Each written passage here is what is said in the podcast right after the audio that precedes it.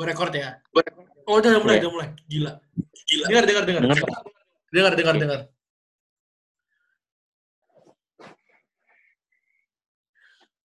Gue juga dari record. Yoi. Oke. Ah.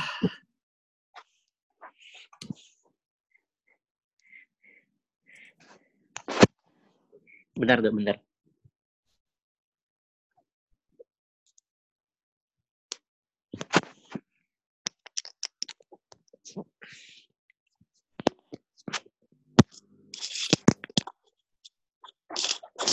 Halo, Hmm.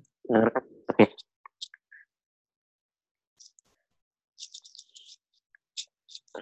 Mau ngomong apa?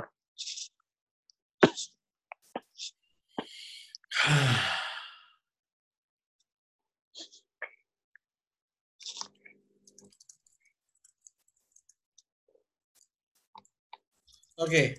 Selamat datang di KKKS episode ke nggak tahu 61, 62, 60. Kali ini em, kita akan berdasarkan eh, kita kali ini kita akan menggunakan Zoom untuk rekaman. Jadi kalau lu dengar ini dari Anchor, dari Spotify, dari Google Podcast itu konversi dari video ya. Videonya ada di YouTube by the way. YouTube gue. Eh, kali ini gue bersama Junar Asunyi. Jun, kenalin dulu dong. gue sebutin nama lu ya. Semua udah kenal kayaknya. Nama gue Junar. Biasa jadi guest di kakak kes. Mungkin kalian udah bosen. Gue juga udah bosen sih sebenarnya.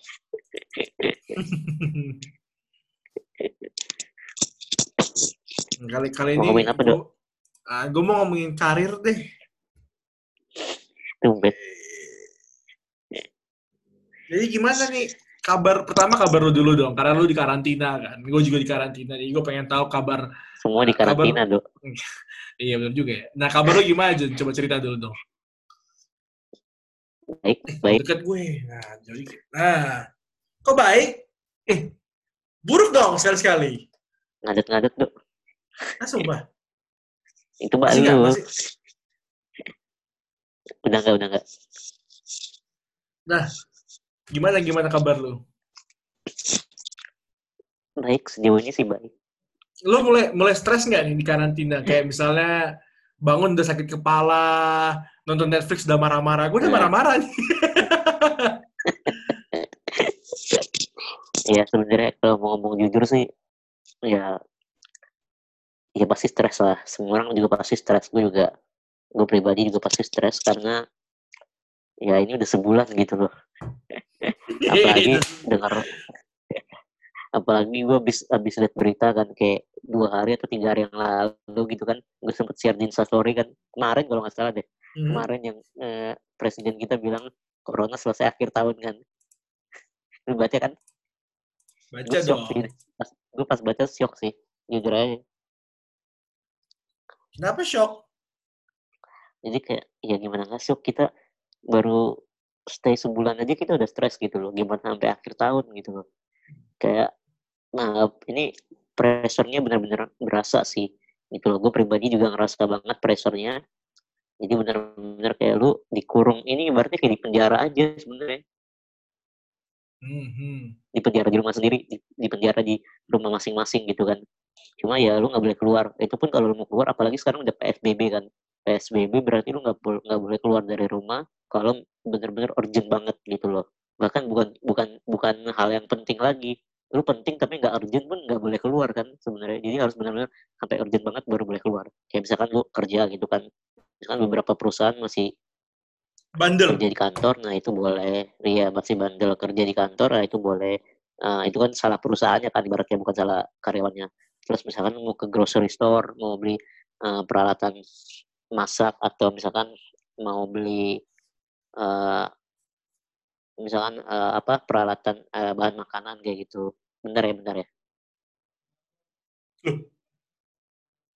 Bentar, bentar, hilang dia. bentar, bentar. Tapi dari dari profile picture lu, lu kayak melayang tau gak sih? Oke, udah, udah balik. Udah, udah, udah. Oke, nah jadi kayak eh, cuma bener-bener ke- eh, kepentingan yang urgent aja gitu loh. kayak tadi ke grocery store beli bahan makanan beli peralatan masak ke kantor kayak gitu-gitu atau misalkan beli obat beli, beli obat-obatan ke kantor gitu dan beberapa dan banyak kantor juga ada uh, kerja dari rumah kan jadi ya itulah. Jadi kita kayak uh, tekanannya berasa sih. Sebulan ini uh, berasa banget stresnya juga berasa. Jadi kayak gue tahu ini yang nggak ngadepin karantina ini bukan cuman Jakarta bukan cuman yeah, Tangerang benar, benar. Indonesia Indonesia gitu kan. Ini benar-benar worldwide gitu loh ini seluruh dunia gitu loh. Jadi kalau lu bilang lu stres ya bukan cuma lu doang yang stres gitu loh semua orang juga stres ya kan. Apalagi yang paling parah adalah kayak misalkan ojol gitu kan ojek online itu paling stres lagi itu loh.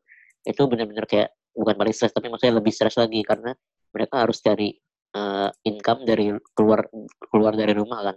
Itu mereka harus karena mereka nggak bisa bertahan hidup gitu loh. Sama juga yang paling stres sih menurut gua adalah uh, petugas medis sih. Petugas medis sama uh, pasiennya. Karena mereka pasien karena mereka menderita pasien eh petugas medis itu karena mereka ya relawan. Mereka harus harus mau merelakan diri mereka untuk menyembuhkan pasien gitu loh. Dan mereka kadang juga nggak bisa pulang kan karena kalau mereka pulang mereka takutnya bawa virus ya kan? Ya itu dan sebenarnya juga gak ada waktu buat pulang gitu loh. Itu sih jadi sebenarnya semua orang juga stres.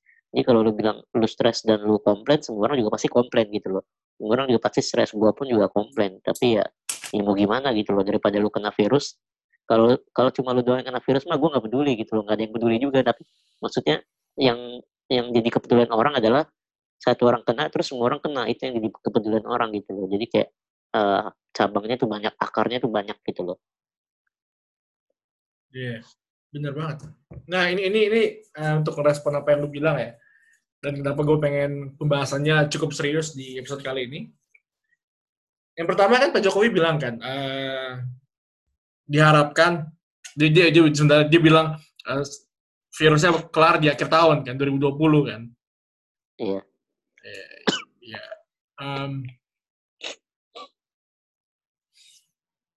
pertama bahkan kalau gue bilang sendiri pun di akhir tahun itu terlalu optimistis. Kenapa? Dua uh, di akhir tahun pun untuk selesai ya uh, corona hmm. ini itu bagi gue optimistis banget. Oh, kenapa tuh? Karena kalau yang kalau baca-baca berita yang bukan dari Indonesia tapi yang dari luar ya kayak misalnya Bloomberg gitu-gitu mereka ngelaporin bahwa it usually takes beberapa tahun supaya vaksin penyakit itu lahir. Hmm. Ya kan? Sedangkan hmm. kalau misalnya diasumsikan Desember selesai, berarti kan kita cuma ada window 8 bulan nih untuk bikin vaksin kan. Hmm. Untuk bikin vaksin dan mengadminister, meng mengkasih vaksinnya ke orang-orang. Itu butuh waktu cuma 8 bulan nih berarti. Iya. Ya, ya gue sih nggak, gue sih eh, pesimis bahwa kita bisa mencapai, kita bisa melahirkan vaksin dalam waktu 8 bulan. Pertama itu, men. Tapi maksud gue uh, kalau kalau gue secara pribadi sih sebenarnya uh, apa ya sebenarnya kita nggak perlu nunggu sampai vaksinnya ada sih. Yang tujuan kita, tujuan utama kita kan sebenarnya uh, goal kita di apa di Indonesia itu buat adalah buat menekan penyebaran virus corona kan. Jadi bukan bukan menemukan virus bukan menemukan vaksin untuk virus corona itu sendiri gitu loh. Tapi untuk menekan penyebarannya. Jadi biar gak semakin menyebar ke mana-mana gitu loh. Jadi kalau menurut gue sih 8 bulan cukup sih. Uh, mungkin juga mm, ya anggaplah se worst case scenario ya. Worst case scenario paling gue optimis Februari sih paling paling lambat gitu loh. Februari harusnya kita udah udah semua udah lockdown udah kelar sih harusnya. Itu udah paling paling apa ya? Paling paling lama lah ibaratnya kayak bener, gitu. karena Uh, karena kayak kalau lu lihat kondisi sekarang aja uh, dua hari terakhir ya dua hari terakhir tuh uh, tingkat kesembuhan pasien udah lebih tinggi kan daripada tingkat kematian kan.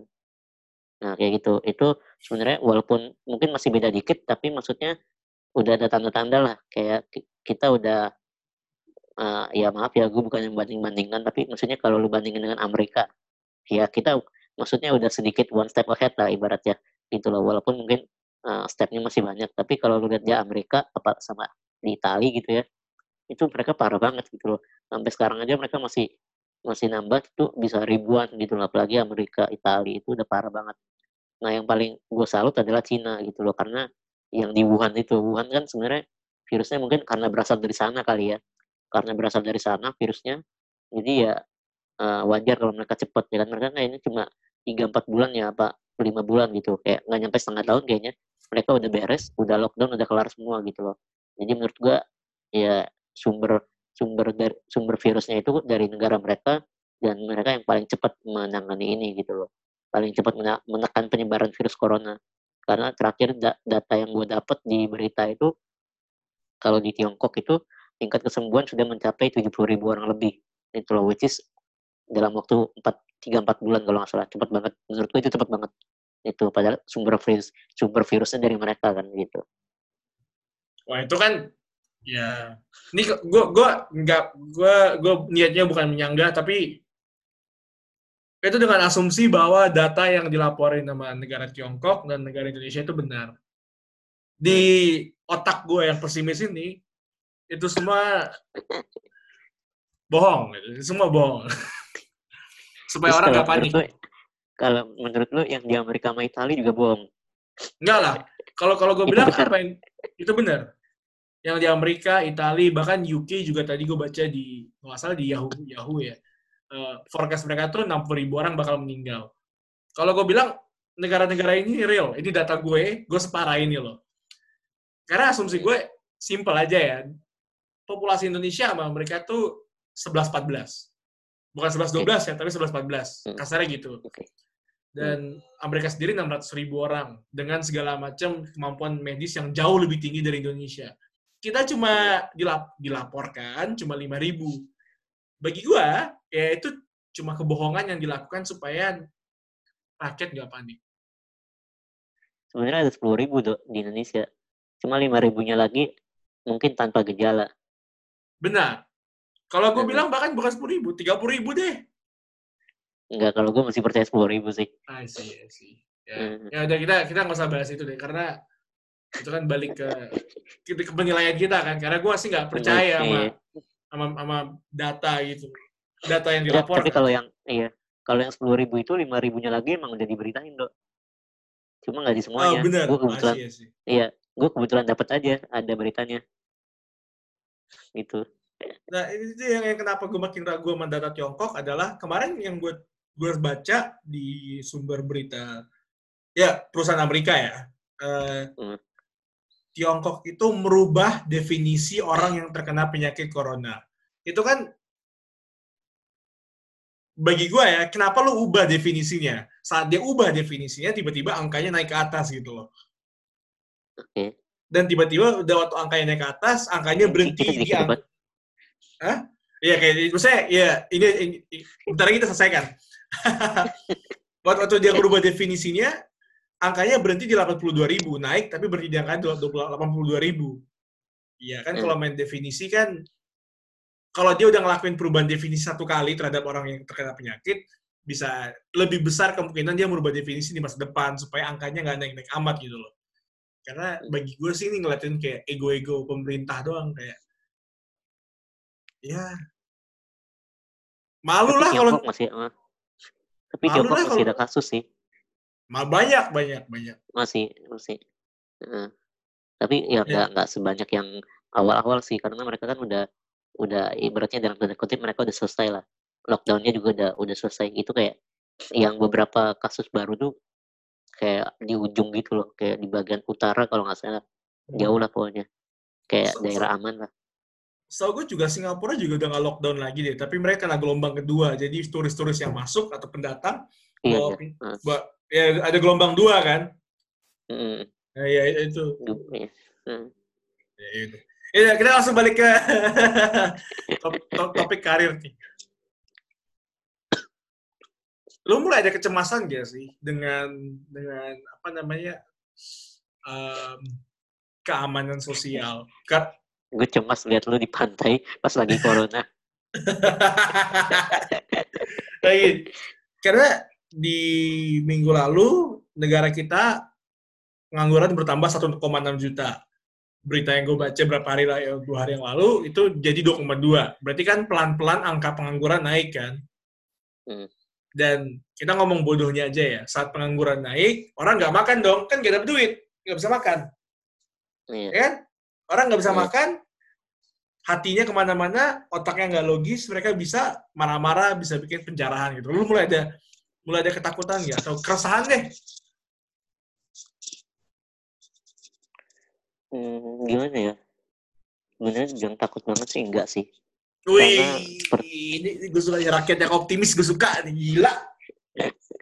Kan sebenarnya ya kayak waktu itu kita bicarain di podcast sebelumnya aja. Kan yang ngomong sendiri kan.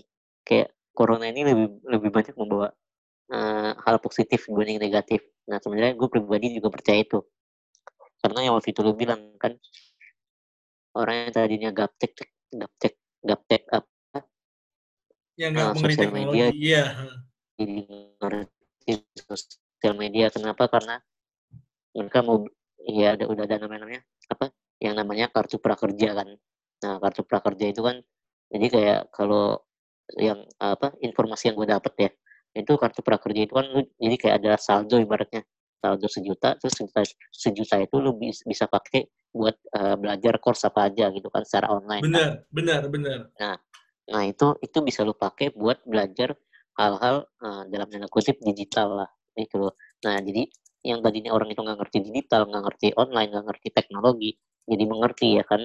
Jadinya otomatis mungkin pengangguran naik, tapi orang yang tadi pengangguran ini mungkin orang-orang yang nggak ngerti digital, yang nggak ngerti teknologi, tapi karena mereka ya sorry ya bukannya gue eh, memuji lu bukan, tapi maksudnya memuji orang-orang yang kena PHK bukan, tapi maksudnya dengan lu di PHK lu menyadari bahwa sebenarnya setelah terjadi pandemi ini, pandemi corona ini, orang tuh semua dipaksakan untuk mengerti teknologi, untuk mengerti uh, iya. digital, digital. Nah dari situ yang tadinya kita ke kantor secara fisik semua bisa berubah secara virtual gitu loh, secara digital. Akhirnya orang yang tadi PHK pun bakal dapat kerjaan lagi, bakal bakal bekerja kembali. Kenapa? Karena mereka yang tadinya nggak ngerti, nggak ngerti teknologi jadi ngerti, jadi nggak gaptek lagi kayak gitu. Itu kan eh, meningkatkan eh, kesempatan mereka buat dapat kerja lagi, tapi kerja yang secara online gitu loh, serba digital gitu. Ya, which is bagus dong. Lu dapat ilmu baru, ditambah lu dapat pekerjaan lagi, jadi jadi balik kerja lagi gitu kan. Menurutku itu bagus gitu loh. Jadi eh, lu lebih siap kalau misalkan amit-amit nih, misalkan corona ini kelar, terus misalkan eh, tiga atau empat tahun kemudian terjadi lagi seperti ini misalkan ya kan, jadi lu nggak kaget, oh iya kalau misalnya terjadi seperti ini lagi di tiga empat tahun eh, mendatang, eh, terus kerjaan gue gimana? Apakah gue bakal di PHK lagi? Tapi karena lu udah ngerti teknologi, lu udah ngerti online, serba online, digital, otomatis ketika lu di PHK lagi karena virus lagi misalkan lu bisa dapat kerja lagi dengan gampang. Kenapa? Karena lu udah ngerti digital gitu loh. Jadi ibaratnya corona ini sebagai persiapan lu nanti uh, untuk akan datang kalau misalkan untuk akan dat untuk akan datang kalau misalkan terjadi lagi gue bisa dapat kerjaan lagi dengan gampang dengan lebih mudah gitu. Karena gue udah ngerti digital gitu. Gue udah siap gitu loh. Kalau misalnya ada corona gelombang kedua gitu misalkan. Kayak gitu. Mhm. Bener, bener, bener. Tapi, lu, lu, lu, kita ngomongin prakerja. Lu, udah- lu udah ngedaftar prakerja belum? belum karena waktu itu gue pikir itu cuma buat orang-orang yang PHK ternyata Ya, bukan atau yang bukan. Eh, gua gua udah apply dan di ya lu harus ngomong jujur ya di situ ya. Di eh, di opsinya ditulis kan. Ada dua pertanyaan tuh yang penting banget untuk kita yang masih bekerja ya. Hmm, Pertama, status Anda apa? Udah bekerja apa belum? Ya. Kedua, kenapa lu daftar? Itu ada empat opsinya. Daftar Hmm. karena ingin pelajaran, daftar karena ingin bantuan segala macam. Ya, gue daftar karena ingin pelajaran. Subsidi lah, kalau bisa dibayar pemerintah buat online course, kenapa enggak ya kan? maunya yang gratis lu iya dong, masa enggak? Karena gua, gua, eh, Eh, Dok. lu rekam suara lu kan rekam, rekam. oke Pakai Zoom tapi, oh ya udah nggak apa-apa ya. eh, oke lanjut karena gue ngeliat gini ya, ini ini ini analisa sederhana aja. Kan corona masuk di tahun 2000 di Indonesia ya, di tahun 2020 kan. Hmm. Terus menyebar segala macam. Sedangkan karena corona masuk, ekonomi terguncang, banyak yang di PHK, perusahaan riset, ekonomi pelan-pelan mulai mulai berubah. Eh, jadi ada tiga gelombang besar yang akan terjadi di di, di, di tahun depan kalau di analisa gue. Pertama, anak-anak lulusan tahun lalu nih, yang kampus-kampus, yang baru lulus tahun lalu, itu lagi nyari kerja kan? Hmm. Kacau nih, udah lapangan pekerjaan udah kacau. Terus anak-anak yang lulus tahun ini Hmm. juga bakal nyari kerja, Iya. ya kan? Nah, Hmm. terus orang-orang yang dipecat di tahun ini, di tahun depan akan mencari kerja juga. Hmm. Jadi ada tiga gol- ada tiga gelombang besar nih anak tahun 2000, anak lulusan 19, anak lulusan 20 dan anak-anak yang dipecat tahun 20. Ini bakal gelombang gede nih untuk nge-apply kerja. Hmm. Nah, Iya. ya kan? Bakal berat banget karena uh, job position nggak bakal banyak, tapi bakal ada tiga gelombang besar untuk nge-apply kerja. Pertanyaannya adalah, Jun, uh, menurut lu cerdas tidak untuk resign dan atau mencari pekerjaan atau pindah perusahaan di kondisi seperti ini? Eh, menurut gue tergantung sih ya. Eh, karena eh, banyak hal yang harus lu pertimbangkan ketika lu resign. Setelah lu re- resign, lu mau ngapain? Karena eh, beberapa orang mungkin resign belum tentu mau pindah kerja ke perusahaan lain misalkan. Ada juga yang resign kayak dia mau bikin bisnis sendiri kayak gitu. Atau bikin company sendiri kayak gitu kan.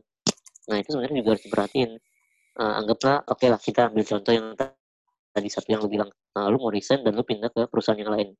Nah, lu harus pertimbangkan eh, kalau lu kalau lu resign eh, dalam d- sebelum lu resign itu lu harus sudah dapat pekerjaan dong. Itu pasti pertama ya kan. Terus kedua, ka- pas lu apply pekerjaan baru, mau pindah ke peker- pekerjaan yang eh, ke perusahaan yang baru, lu harus tahu apakah eh, skill lu itu sudah cu- cukup untuk pindah ke perusahaan yang berikutnya gitu loh. Maksudnya Hmm, cukup hmm. menarik lah. Cukup menarik untuk perusahaan yang selanjutnya. Skillnya udah cukup menarik, cukup banyak, pengalaman lu juga cukup banyak, eh, supaya bisa menarik perusahaan yang berikutnya buat ngerekrut lu gitu loh. Nah kalau misalkan eh, ternyata lu mau pindah mau pindah perusahaan mau pindah kerja tapi skill lu belum banyak pengalaman pengalaman lu belum banyak dan situasinya lagi seperti sekarang ini menurut gue jangan dulu gitu loh. Ditunda dulu aja.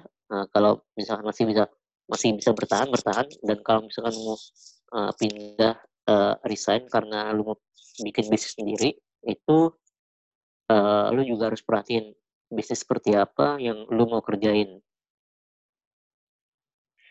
bisnis seperti apa yang lu mau lakukan gitu loh. Kalau misalkan lu bi- bikin bisnis yang kayak misalkan serba online lu juga harus tahu karena sekarang semua serba online kan. Jadi persaingan semakin ketat gitu loh. Jadi kayak lu harus perhatiin situasi seperti sekarang ini tuh serba serba online. Persaingan semakin ketat dan lu harus tahu teknik apa yang bakal lu pakai supaya bisa menarik eh, customer-customer di luar sana dengan perspektif yang berbeda gitu. Itu sih kalau gua. That's good, that's good, that's good. Nah, karena kita statusnya pekerja ya, gue dan lu, eh gue mau nanya. Ini bukan follow up question dari sebelumnya malah, ini kayak stand alone question. Eh, skill apa yang bakal penting ada, skill apa yang bakal wajib ada untuk semua pekerja di dunia setelah corona? Yang wajib ada ya. Ya? Kalau menurut gua setelah corona skill yang wajib ada sih semua yang berhubungan dengan uh, online atau digital ya online digital yang berhubungan dengan teknologi lah itu wajib ada karena kalau lo udah ketemu pandemi virus itu kan lo nggak boleh ke mana-mana kan semua serba online gitu loh semua serba online semua serba digital jadi uh, dan semua orang memanfaatkan itu gitu loh kayak waktu itu gue pernah lihat di berita kayak uh, yang tadinya misalkan sebelum ada virus corona lu beli ma- beli bahan makanan di mana paling murah? Paling ke pasar ya kan? Pasar tradisional gitu kan. Nah itu kan kalau pa- pasar tradisional kan lu rata-rata apa? Offline kan? Nah kalau pasar modern kan ada yang online. Pasar tradisional jarang yang ada ada yang online kan? Tiba-tiba pas ada pandemi virus corona orang memanfaatkan WhatsApp gitu loh. Memanfaatkan online gitu loh. Jadi kayak pasar online kalau lu tahu kayak gitu. Itu udah udah ada sekarang. Kenapa? Karena pandemi virus corona gitu loh? Jadi orang dipaksakan untuk serba online gitu loh. Jadi eh, skill untuk bisa bertahan di situasi seperti sekarang ini adalah ya yang serba online serba digital gitu loh. Jadi biar lu bisa eh, tetap tetap di rumah aja tapi juga tetap lancar income-nya gitu loh. Jadi lu tetap bisa bertahan hidup. Itu sih online atau digital gitu yang berhubungan dengan teknologi lah. Itu Jadi kayak misalnya cara menggunakan Zoom yang baik dan benar, Google Hangout, Hmm, harus Hmm. benar-benar ngerti Microsoft Office, Google Slide Hmm. gitu-gitu kan. ini kalau gue boleh kasih tahu sedikit ya ini mungkin dikat aja ya ini nama brand soalnya lu Nggak tahu Cyberbox gak? Nggak, gini kalau lo nggak usah sebut brandnya kalau gitu. Sebutin aja apa yang pengen lu bahas. Enggak, ini nama brand soalnya. Pasar Nggak tradisional yang online gitu. Nggak usah, nggak usah sebutin brandnya. Apa poinnya apa yang pengen lu sampaikan? Iya, maunya ada satu brand pasar tradisional online gitu loh. Iya. Iya gitu, itu, it- iya. Gue tadi tadi mau nanya brand ini, cuma lu bilang nggak usah sebut brandnya ya udah. Emang lu nanya apaan? Enggak, gue enggak gue nanya, gue mau nanya lu tahu brand ini enggak? Kan lu nggak boleh sebut brandnya. Oh enggak. Emang ada yang pasar tradisional tapi online? Ada. Oh, gue bisa Ntar Google kalau gitu. Ya udah. Nih gue chat, Tapi- gue chat nih, gue chat. Tapi kalau ngomongin Baik. buat buat belanja ya, em, bukannya harga di pasar tradisional sama harga di di di, di toko kayak hypermart, di foodmart gitu kan nggak terlalu jauh beda kan? Tapi itu kan rata-rata adanya, adanya di mana? Di mall kan? Iya. Eh, ya udah. Mall tutup bang. Oh iya. Tapi gue masih ke mall sih. Lu masih ke mall kan belanja kan? Enggak lah. Ke mall, mall mana? Mall tutup penting. Ini kayak Mall Kayak- tutup. Jadi Ya, tutup. tetap pas tetap pasar biasa. oh gitu. Cuma cuma pesen gitu. Iya, jadi order gitu, delivery jadinya. Oh enggak sih, kalau kalau gue masih ke mall karena yang, yang buka tuh kayak uh, Hero, Foodmart, Primo gitu masih masih buka Paling kok. paling yang paling yang bu- buka di tempat gue tuh Indomaret, Hypermart gitu. Iya itu itu aja, itu aja nggak yang lain Tapi itu nggak di mall, itu nggak di mall. Iya. Oh itu nggak di mall ya? sendiri. Oh Nggak, gitu. itu ada. Oh. Ada sendirinya kalau di dekat rumah gue.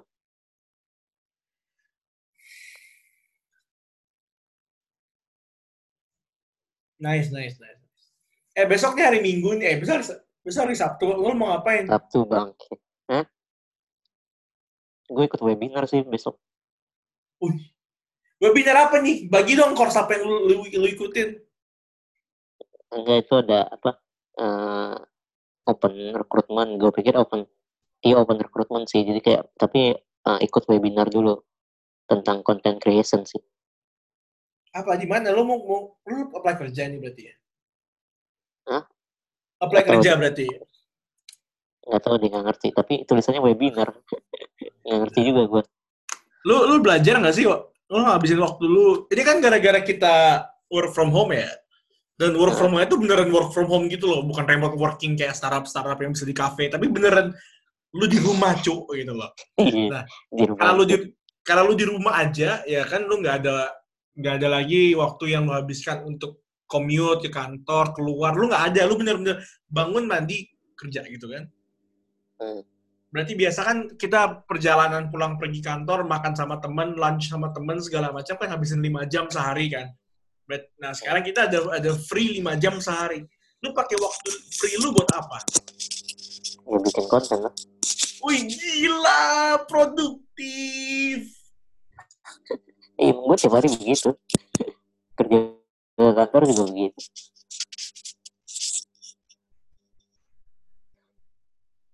bikin konten. Nah sekarang gue tanya, konten lu mulai bertumbuh nggak?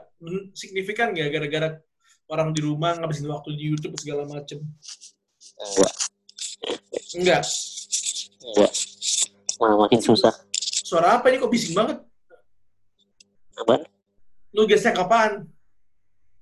Kagak. Otaknya pasti aneh-aneh. Ada suara gesek-gesek, men. Ada suara gesek-gesek-gesek besi gitu. Kayak gini. Oh, kaki gua, kaki gua, kaki gua. Oh, Gesek ini apa? Kasur, kasur. oh iya, iya. iya. Dia mikir yang aneh-aneh lu. Ya udah, ini ada yang mau sampaikan nggak terakhir kali? Nah, terakhir kali paling gue mau sampein ya semangat aja lah kerjanya walaupun kerja dari rumah kan dan buat yang di PHK belum dapat kerja ya manfaatin aja lah webinar-webinar dari kartu prakerja yang lu punya kan tapi itu kartu Iya. prakerja bisa ditolak gak sih Gue nggak tahu ya kan, ya kan gue gue juga nggak tahu. Gue masih nunggu kabar gue. Gue gue baru daftar juga. tapi masih pasti, pasti ada ada apa pun kayak informasinya gitu kan eh, nunggu approval kayak gitu kalau nunggu approval kan eh, logikanya pasti ada ada reject lah ya Sebenarnya kalau kalau di reject pun pasti masuk di gelombang kedua sih, karena kan per gelombang kan. oke kalau masuk ke gelombang kedua terus apa yang harus dilakukan supaya bisa ke approve Ya tunggu pasti ada sesuatu yang aja. berbeda kan Pak, enggak lah sama aja lah. Paling paling eh, kalau gue bilang sih masalah teknis doang sih. Kayak misalnya servernya di gelombang satu cuma bisa untuk satu juta orang. oh gelombang dua satu juta ya. lagi. Iya slotnya. Karena kan karena jatuhnya kan apa namanya servernya juga kaget kan. Ini beneran server baru dibikin kemarin, ya kan? Tiba-tiba yang apply Iya. langsung banyak gitu loh. Eh, jadi kaget Iya. Maksudnya ma- masalah ini juga terjadi di, di di di provider kayak misalnya provider internet yang kita pakai juga tiba-tiba kaget kan banyak banget pemakainya gitu loh. Mm, Ya lu juga pasti listrik sama listrik air apa namanya internet pasti pernah bermasalah sih. Enggak bermasalah iya nggak? iya Belum masalah tadi oh, berapa ya tiga hari yang lalu kayaknya mati lampu deh Iya. Hmm. Karena konsumsinya berubah kan kalau dulu kan konsumsinya rata kan. Eh, Iya. rumah, banyak. house, household dengan kantor rata gitu kan. Hmm. Sekarang semua rumah, cur. Gimana dong? kacau Gitu loh. Dan gue bilang habis kita kelar karantina ini bakal muncul kebiasaan-kebiasaan baru yang nggak pernah, yang benar-benar baru gitu loh. Karena kan, ya, ya, ya, apa yang lu lakuin gua- selama, eh, apa yang lu lakuin gua- selama, gue bilang apa? kalau gue bilang ya ini Apa, apa, apa, apa. kalau gue bilang ya ini kayak kiamat mini tau nggak iya kan Iya, iya. kiamat mini terus kayak kayak kalau selesai karantina lu bakal hidup lagi gitu. Loh Jabat mini. Bener sih. Maksudnya bener-bener tiba-tiba, tiba-tiba. Kalau kata kalau kata presiden kita kan apa eh, tahun depan 2021 pariwisata bakal booming kan. Karena orang udah pada stres di rumah aja. Oke lah itu aja kan. Iya. Itu udah lobet baterai gue Ya udah, bye, man. Bye. Yuk. berarti